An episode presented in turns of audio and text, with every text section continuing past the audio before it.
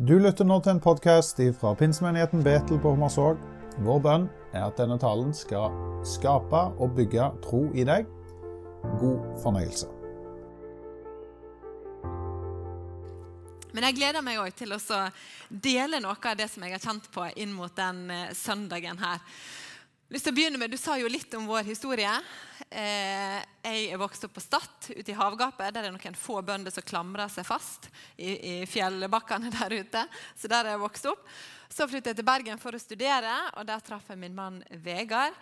Og vår, eh, eller det som har vært min drøm helt siden jeg var seks år gammel, så har jeg egentlig visst at jeg skulle flytte tilbake til Stad og bli bonde. For det var den drømmen her. Jeg tror jeg har tatt med et bilde av det som var min eh, det var min drøm. Tenker du Litt sært, men, eh, men, det var sånn jeg skulle leve livet. Og når jeg traff mannen min, så var det veldig viktig for meg å si at hvis ikke du er interessert i å, å holde på med sauer og hester, så kan ikke det bli oss, tror jeg. Så vi ble enige om at vi går for det. Så når vi gifta oss, var det planen at vi skulle til Stad og leve det livet der. Jeg kjenner, kjenner det jo litt, jeg savner det litt hver gang jeg ser det bildet. Men en måned etter bryllupet så fikk vi spørsmålet Hva tenker dere om å flytte til Voss? og restarte en eldre pinsemenighet der. Og jeg overdriver ikke hvis jeg sier til dere at vi brukte fem minutter i den samtalen på å lande at det er det vi skal gjøre. Selvfølgelig skal vi gjøre det. Det var ingen av oss som hadde sett oss sjøl som en pastor eller menighetsplanter, men vi hadde jo begge to et hjerte for menigheten og visste at vi, vi ønska å bruke tid på den levende kristne menigheten. Og når vi fikk spørsmål hvis vi kan være med og bygge en sånn menighet på en ny plass Det som har betydd så masse i livet vårt, hvis vi kan være med og ta det videre til en ny plass, så er vi med. Så i 2015 så flytta vi til eh, Voss for å, å, begynne der. Og det var bare meg og min mann som flytta først. Og så brukte vi det første året på å samle et team. Og da sa de Salt i Bergen, som vi var en del av, dere kan spørre hvem som helst her inne. Så jeg husker vi laga ei liste over de som gikk med Gore-Tex-jakke, for vi tenkte de kan være eh, åpne for å flytte til Voss og være med der. Så i 2016 da tror jeg jeg har med et nytt bilde fra lanseringa av Salt Voss i 2016. Her ser dere. Og jeg bare tenker, Så unge vi var på den tida. Og alle har kledd seg i hvitt, for vi var så hellige sikkert, eller tenkte at det var viktig. Så her står vi og skal begynne eh, kirkeplantinga. Og så har jeg med et bilde til. For det teamet der som var sju voksne, har blitt til den gjengen her. Til sammen 19 stykk eh, som har fått familie og barn. Så biologisk vekst skal du ikke undervurdere i, i kirkeplanting og kirkevekst. Det er, det er utrolig viktig. Men det har vært en fantastisk reise. Og i 30. april i år så hadde vi gleden av å, å feire 100-årsmarkering for den menigheten som vi restarta. Og det gjorde vi med, jeg tror, med et par bilder. og Med brask og bram, med konfetti og med kake og med fest og feiring. Og vi gjorde det med å knytte sammen 93 år med Sion Voss og 7 år med Salt Voss. Og det var en litt spesiell opplevelse å være med på. Har vi det på neste bilde her? Eh, der ser vi det. Og vi hadde vår eh, hovedpastor Øystein Gjerme med der og knytte den sløyfa. Men opplevelsen av når, vi satt rundt de runde bordene, hørte fortellinga om Sion Voss som starta i 1923, og bygget som ble reist i 1933, og om alle de mennesker som er blitt berørt av den forsamlinga, den 100 år lange fortellinga, så skjønner vi jo alle sammen som sitter i salen der, at den fortellingen er større enn noen av oss. Dette hviler jo ikke på noen av oss. Men 100 år fortelling om en menighet det vet vi, det rommer ikke bare oppturer, men det har sine oppturer og nedturer. Men hver gang det har vært en vanskelig tid, så har Gud sendt noen nye mennesker. Så den 100-årsfeiringa er jo bare en fantastisk vitnesbyrd om Guds trufasthet. Han er trufast han, gjennom alle tider. Han er i går og i dag og til evig tid den samme. Og han bygger sin menighet, og det har ikke han tenkt å stoppe med. Og måten han gjør det på, er at han inviterer meg og deg til å være med på laget. Så hver gang det har vært en vanskelig tid i Sion vår, så har Gud kalla noen nye. Så har han fått tak i hjertet på noen og satt dem i tjeneste. Og det har blitt en ny oppblomstring i menigheten. Og jeg har lyst i dag til å snakke om det. Den gaven og det privilegiet det å få lov til å delta i Guds levende menighet på den plassen som vi er. Og Det syns jeg er utrolig stas å få lov å være her på oppstartshelga deres og dele noe av det.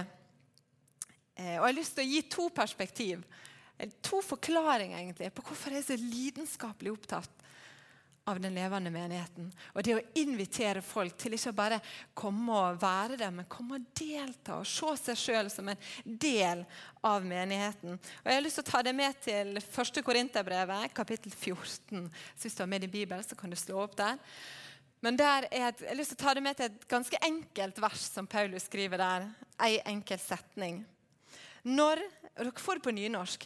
Det beklager jeg, men eh, det må dere bare tåle. Jeg har hørt rykte om at det er en person her som er glad i nynorsk, men hun er ikke til stede. Så, så vi bare kjører på. Når det kommer sammen, har hver av dere noe å gi. Jeg har lyst til å ta den setninga og gi to perspektiv på, på, hva betyr det å komme sammen som kirke. Men jeg tror at skal vi skjønne det som Paulus sier i den enkle setninga der i kapittel 14, så må vi forstå det som han snakker om i kapittel 12. Vi må ha med oss det som han snakker om i kapittel 12, og hva det betyr. For når vi leser kapittel 12, så bruker Paulus eh, bildet av en kropp for å forklare hvem vi er som kirke.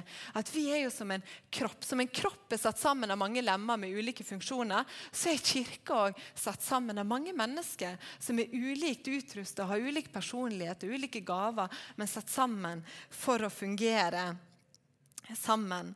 Og Paulus er veldig tydelig på i kapittel 12 at kirka er jo ikke bygget. Det er ikke programmet vi har, det er ikke ventene vi samles rundt.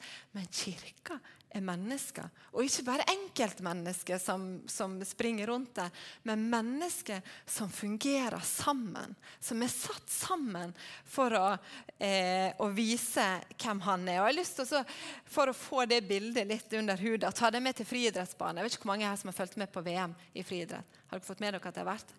Ja, ja, det var godt det var noen.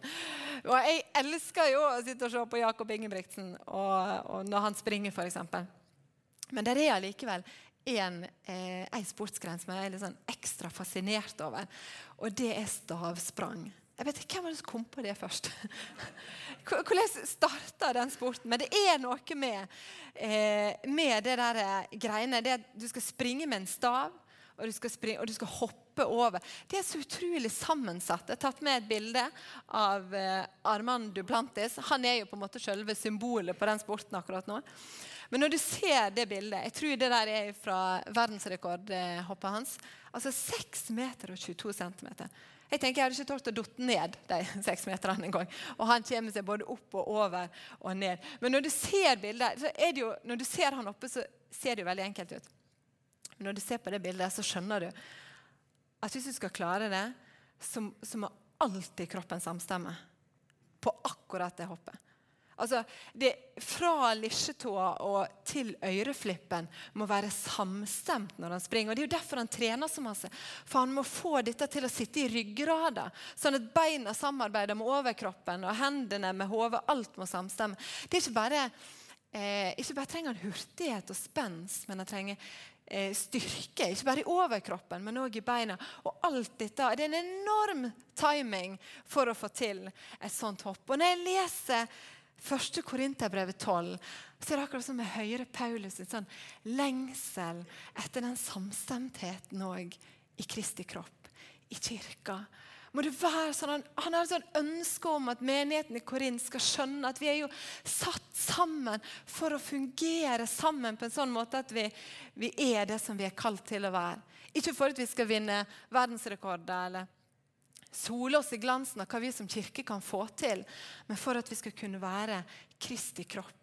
For at vi skal kunne være hans hender og føtter i vår verden i dag, så trenger vi at vi er mange mennesker som samstemmer, og som fungerer sammen. Og den lengselen hører jeg i Paulus eh, når han skriver kapittel 12 der. Og det å være kirke handler jo ikke om talenter til noen få, men det handler om engasjementet til mange som blir satt sammen til å fungere. Og Jeg har lyst til å ta tak i det enkle verset, og gå tilbake til kapittel 14. Når det kommer sammen, har hver og en noe å gi. Så jeg har lyst til å begynne med den første delen i det verset. Når dere kommer sammen. Jeg husker, Det er ikke så veldig masse jeg husker fra norsktimene da jeg gikk på skolen, men jeg husker en gang da, hver gang når. Det er en regel. Hvis du har gjort det én gang, så er det da. Hvis det er mange ganger, så er det når. Og Paulus han velger jo ikke begrepet om eller hvis eller kanskje eller hvis det kunne passe når dere kommer sammen. Nei, når dere kommer sammen. Det er som om rytmen av å komme sammen er viktig for Paulus her. Ofte så, er det sånn at Bibelen har et kanskje et litt mer kollektivt språk enn det vi er vant med i vår kultur. Men det var ikke så aktuelt å tenke den gangen at det å være en kristen og følge Jesus det var noe du holdt på med alene. Nei, det gjorde du når du kom sammen.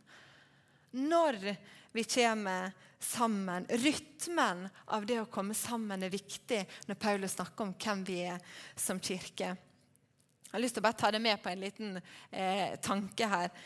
James K. Smith han eh, har hjulpet oss med her får jeg et lite bilde av han. Han har skrevet boka 'You Are What You Love'. Og Han hjelper oss med å skjønne at vi i vår tid er vant til å forstå oss som mennesker som først og fremst tenkende. Og det hviler jo på kanskje utsagnet som René Descartes allerede kom med på 1600-tallet, av at 'jeg tenker, derfor er jeg'. Vi forstår oss sjøl kanskje som først og fremst som tenkende mennesker. Og Det gjør at vi, vi har òg en forståelse av at uh, Riktig kunnskap er det som fører til riktig handling. Hvis jeg bare får rett kunnskap om noe, så gir det en riktig handling. Men Jeg vet ikke hvordan det er med deg, men av og til så kan jeg kjenne på det i mitt liv. At jeg veit egentlig hva som er rett, men så velger jeg likevel noe som er litt annerledes. Veit at jeg ikke burde ta den sjokoladen som ligger i kjøleskapet, men den roper så høyt på meg at jeg tar den likevel. Eller jeg veit nå når jeg nærmer meg 40 år og kjenner at jeg har litt vondter i kroppen når jeg står opp om morgenen, så vet jeg at jeg bør, trene litt styrke for å, stå oppreist eh, ordentlig.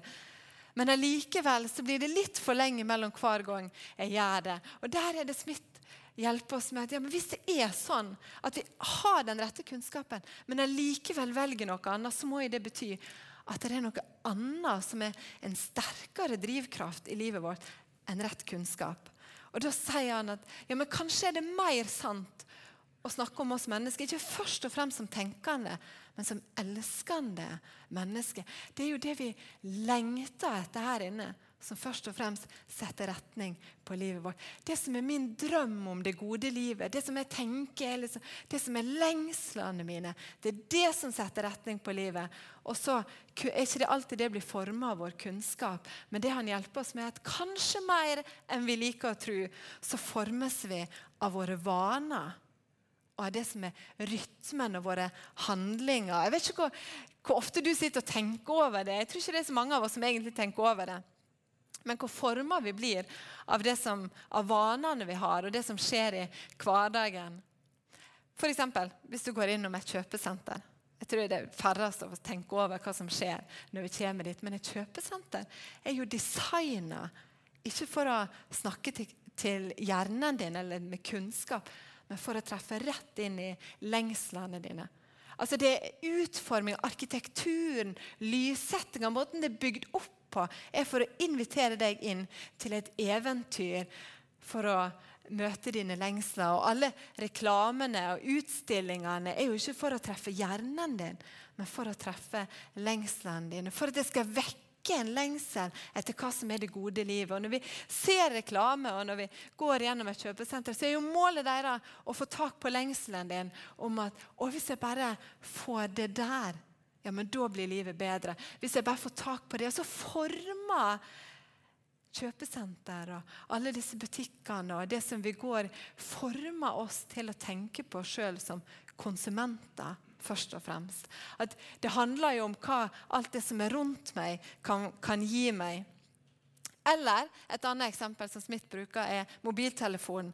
Det er jo på en måte ikke kunnskapen vi får gjennom den, som kanskje former oss mest, men det er vanen av å sitte og scrolle, vanen av å umiddelbart kunne få det du ønsker, det former oss til å tenke at vi er sentrum i universet. Det gjør noe med oss, disse vanene. Og Derfor så sier Smith at rytmen i det kristne fellesskapet. Rytmen i den lokale kristne kirke er kanskje den største gaven vi har fått som etterfølgere av Jesus. I det å komme inn i en annen rytme som former livet våre, og som er med og preger oss. Jeg vet ikke om du har hørt det, det snakka om, men Ofte kan vi snakke om at det, det, kan være litt vanskelig å få ting fra hodet og ned til hjertet. Det kan være litt lang vei mellom der og til. Men jeg har lyst til å oppmuntre deg med at vet du, av og til så kan det hende at det er kortere vei fra hendene og inn til hjertet. Jeg vet ikke hvor ofte du har tenkt over det, men ta kroppsspråk, f.eks. Så er det forska på at hvis du skal inn i en stressende situasjon, og du, er, og du egentlig går bare og tenker å, nå må, jeg, nå må jeg slappe av, nå må jeg slappe av, og du prøver gjennom hjernen å få det til, så er det påvist at hvis du to minutter før du går inn i et stressende møte, velger å innta en kroppsholdning som viser ro, kontroll og overskudd, så er det helt annerledes når du kommer inn der. Altså, De gjorde det på jobbintervju. Og de som to minutter før de gikk inn, hadde en kroppsholdning av at 'dette har jeg kontroll på', 'dette klarer jeg', og som var optimistisk, så leverte de på en helt annet nivå. Mens de som fikk beskjed om å sitte litt sånn forknytt og i en sånn holdning av at 'nå er jeg egentlig litt engstelig for det som kommer', de presterte dårlig alle sammen. Og Poenget mitt er at ofte så kan det, Vi tenker jo ikke så masse over det, men det vi faktisk gjør med kroppen vår, det vi faktisk handler, er med å forme vårt indre. Og det å være en etterfølger av Jesus er jo kanskje ikke først og fremst en invitasjon til å ha den rette kunnskapen eller det rette svaret på ting, men til å la Gud få lov til å forme vårt innerste. Våre innerste lengsler, sånn at vi får lov til å lengte etter det som han lengter etter. Derfor har jeg så tro på den lokale kristne kirke, for det gjør noe med oss når vi kommer til gudstjeneste, inn i et rom og løfter hendene våre til en Gud som er større enn alle andre. Når vi løfter vårt blikk opp mot han, så lærer det vårt indre at det fins en himmel. Det lærer oss at det fins en Gud som er sentrum i universet. Alt hviler ikke på mine skuldre, men det er Han det gjelder. Når vi kommer inn her og vi er med og gir givertjeneste, så er det at jeg faktisk tar den øvelsen av å gi av min økonomi, det former meg også til å skjønne og lengte etter det å være en del av noe større.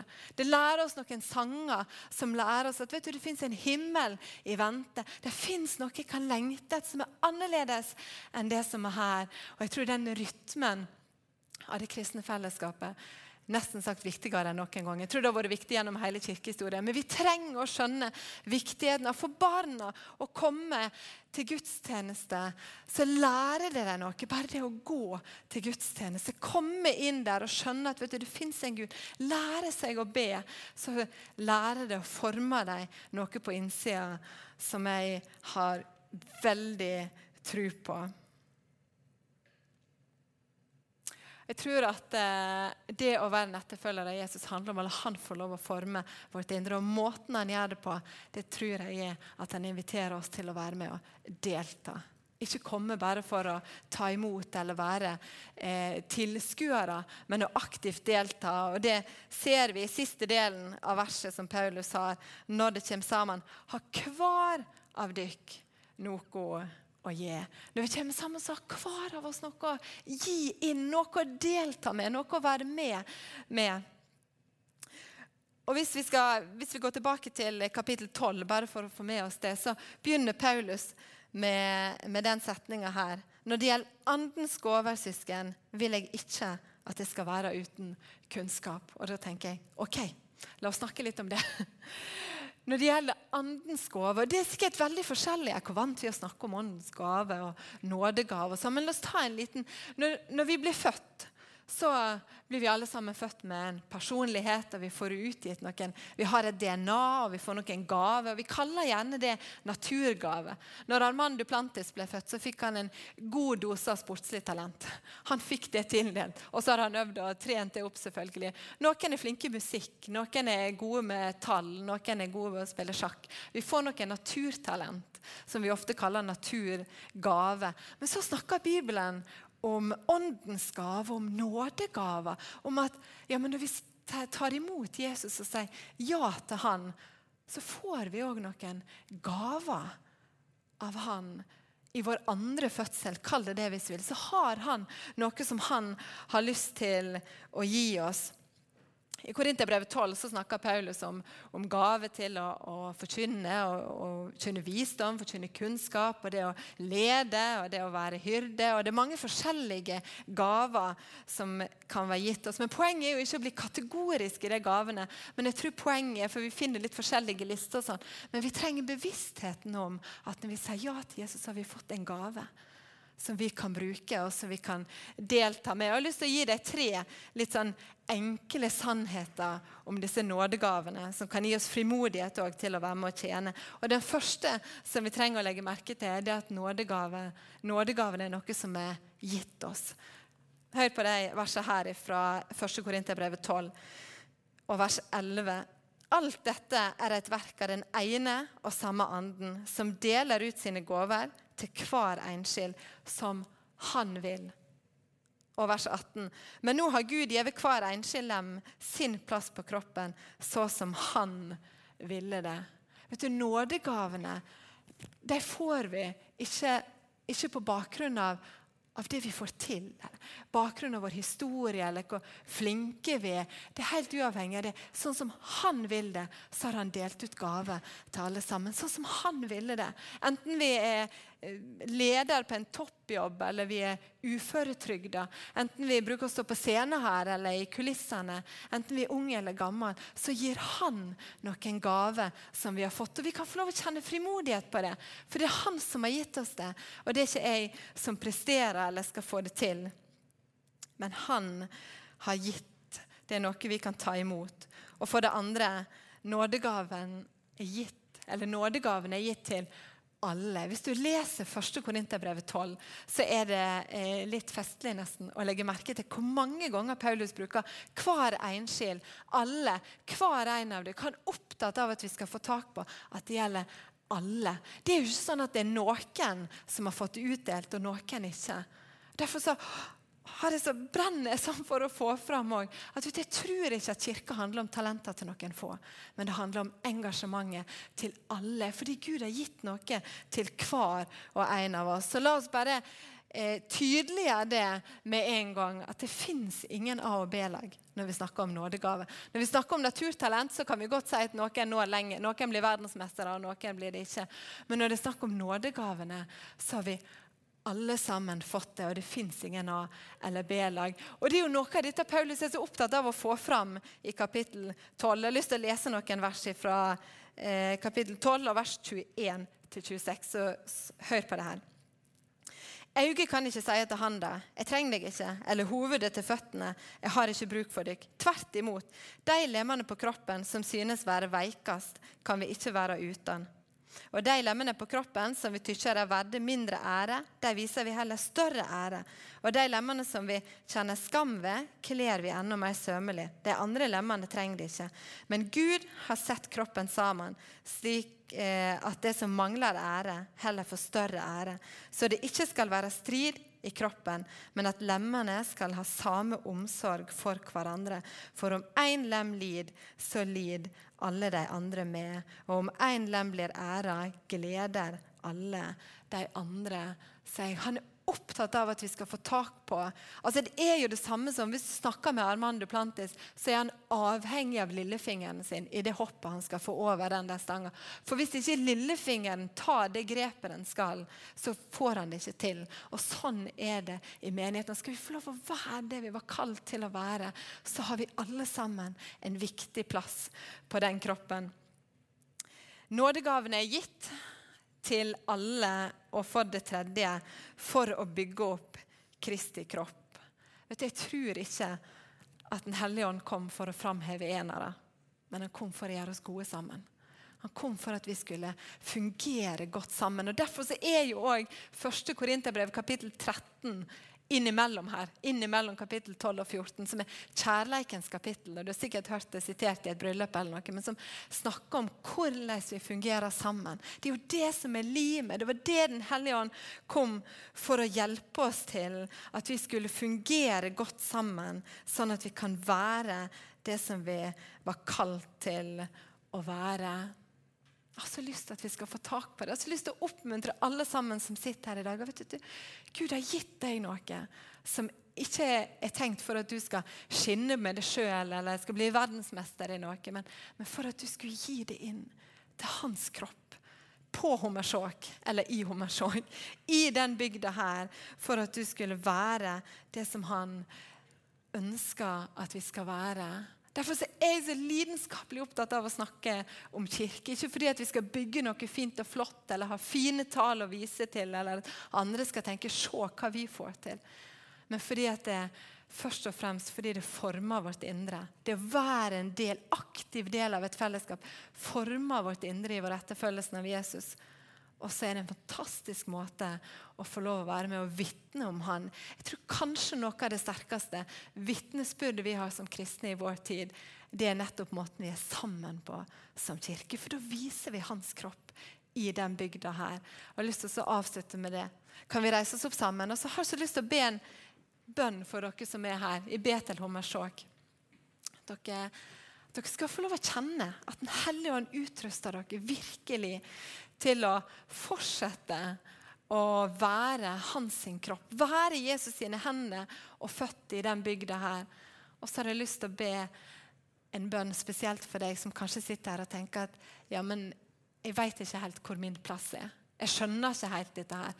Han har det jo så tydelig, eller hun er, gjør jo sånn, og han har jo fått det sånn, og det virker jo så enkelt. Men jeg har lyst til å be om at du skal få lov å se. At Den hellige ånd skal åpenbare for deg det som er din plass.